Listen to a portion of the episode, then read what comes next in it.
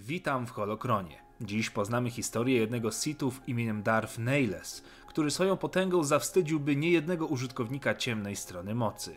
Przed wami mroczny Lord Sith, zwany też Lordem Głodu. Urodzony jako człowiek pod koniec wojen mandaloriańskich, szybko zrozumiał, że galaktyka nie jest miejscem dla słabych. Utracił bowiem wszystko: rodzinę, dom, przyjaciół oraz wolę do życia. W roku 3960 przed bitwą o Jawin był na Malakorze 5 podczas ostatecznej bitwy tej przerażającej wojny i był świadkiem zastosowania superbroni zwanej generatorem cienia masy, która unicestwiła wszystko na czymkolwiek mu zależało. Rozkaz użycia broni wydała pewna generał Jedi imieniem Mitra Surik. Przyszły Mroczny Lord przeżył jednak zniszczenie powierzchni planety, która stała się jego więzieniem wskutek sztucznego cienia grawitacyjnego. Na orbicie utkwiły także niedobitki mandaloriańskiej floty. Coraz większa rozpacz i samotność przeistoczyły się w gigantyczny głód życia, który zaspokoić mogło jedynie wysysanie życia od innych istot. Gdy dokonał pierwszego pożywienia się na innym ocalałym z wojennej zawieruchy człowieku, okropne wspomnienia i choroby trawiące jego ciało na kilka cudownych chwil jakby wyblakły i przestały doskwierać.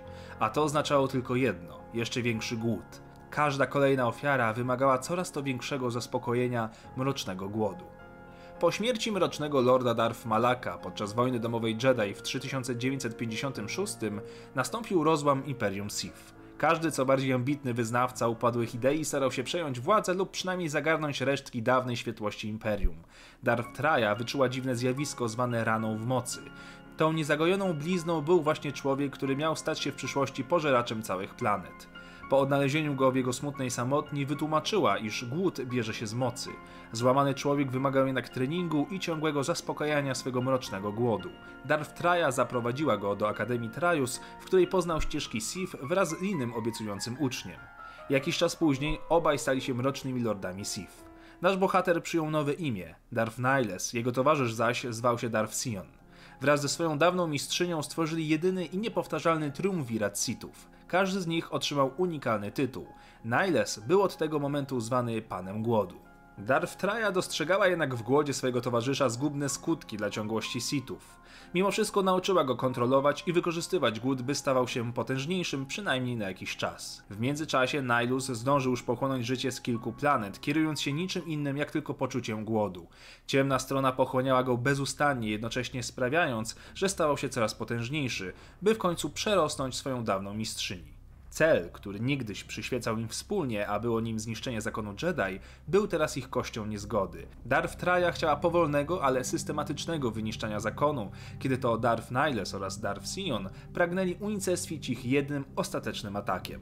Triumvirat zaczął się rozpadać, czego finalnym punktem był pojedynek między dwoma dawnymi uczniami a ich mistrzynią. Co prawda nie zabili swojej dawnej przewodniczki, ale odcięli ją od mocy i skazali na wygnanie. Sithowie znów znaleźli się bez silnego przywództwa i postąpili dokładnie tak, jak mieli to w zwyczaju w przeszłości i będą mieli w przyszłości. Rozpadli się na pomniejsze sekty, kulty i struktury zaciekle walczące o władzę.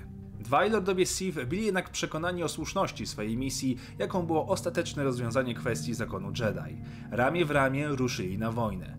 Niles był tak bardzo pochłonięty przez ciemną stronę mocy, że jego fizyczne ciało zaczynało erodować.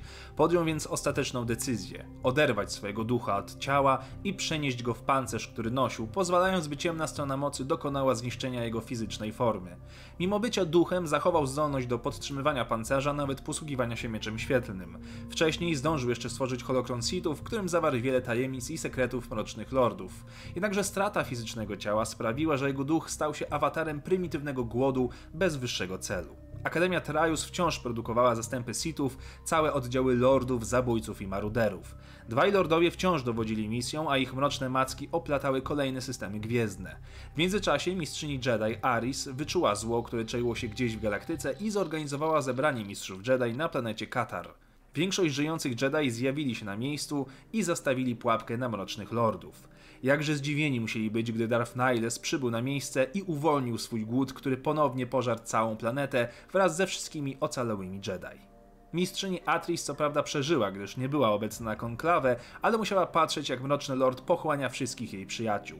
Ze zniszczonej powierzchni planety Mroczny Lord zabrał tylko jedną ocalałą kobietę, Visa Smar, która stała się jego ręką cienia, uczennicą, z którą miał specjalną więź w mocy, pozwalającą wzmacniać, jak i osłabiać się nawzajem. Mistrzyni Atris jeszcze raz spróbowała wciągnąć Mrocznego Lorda w pułapkę, używając do tego wygnaną niegdyś generał Jedi, która odpowiedzialna była za tragedię na Malakorze 5, mistrzynię Mitrę Surik. Do spisku dołączyła także dawna mistrzyni Mrocznego Lorda, zwana teraz jako Kreja, która chciała w tym wszystkim ugrać swoją osobistą zemstę. Niles wyczuwał zakłócenia w mocy i wysłał do ich źródeł swoją uczennicę. Ta miała za zadanie dostarczyć Lordowi mistrzynię Surik, jednak zamiast tego przegrała z nią pojedynek i zaczęła kwestionować ścieżkę, którą wyznaczył dla niej oraz całej galaktyki Mroczny Lord Sith. Stanęła więc po stronie mistrzyni Jedi. I znów duch Lorda dał się zwieść, tym razem na Telos 4, gdzie miał pochłonąć rzekomą Akademię Jedi wypełnioną wrażliwymi na moc uczniami. Akademia okazała się być jednak pusta, jednakże Darth Nihilus nie omieszkał i tak pochłonąć całej powierzchni planety. Jego statek wpadł jednak w ostateczną pułapkę, która miała skończyć się rozstrzygnięciem zawistnej bitwy.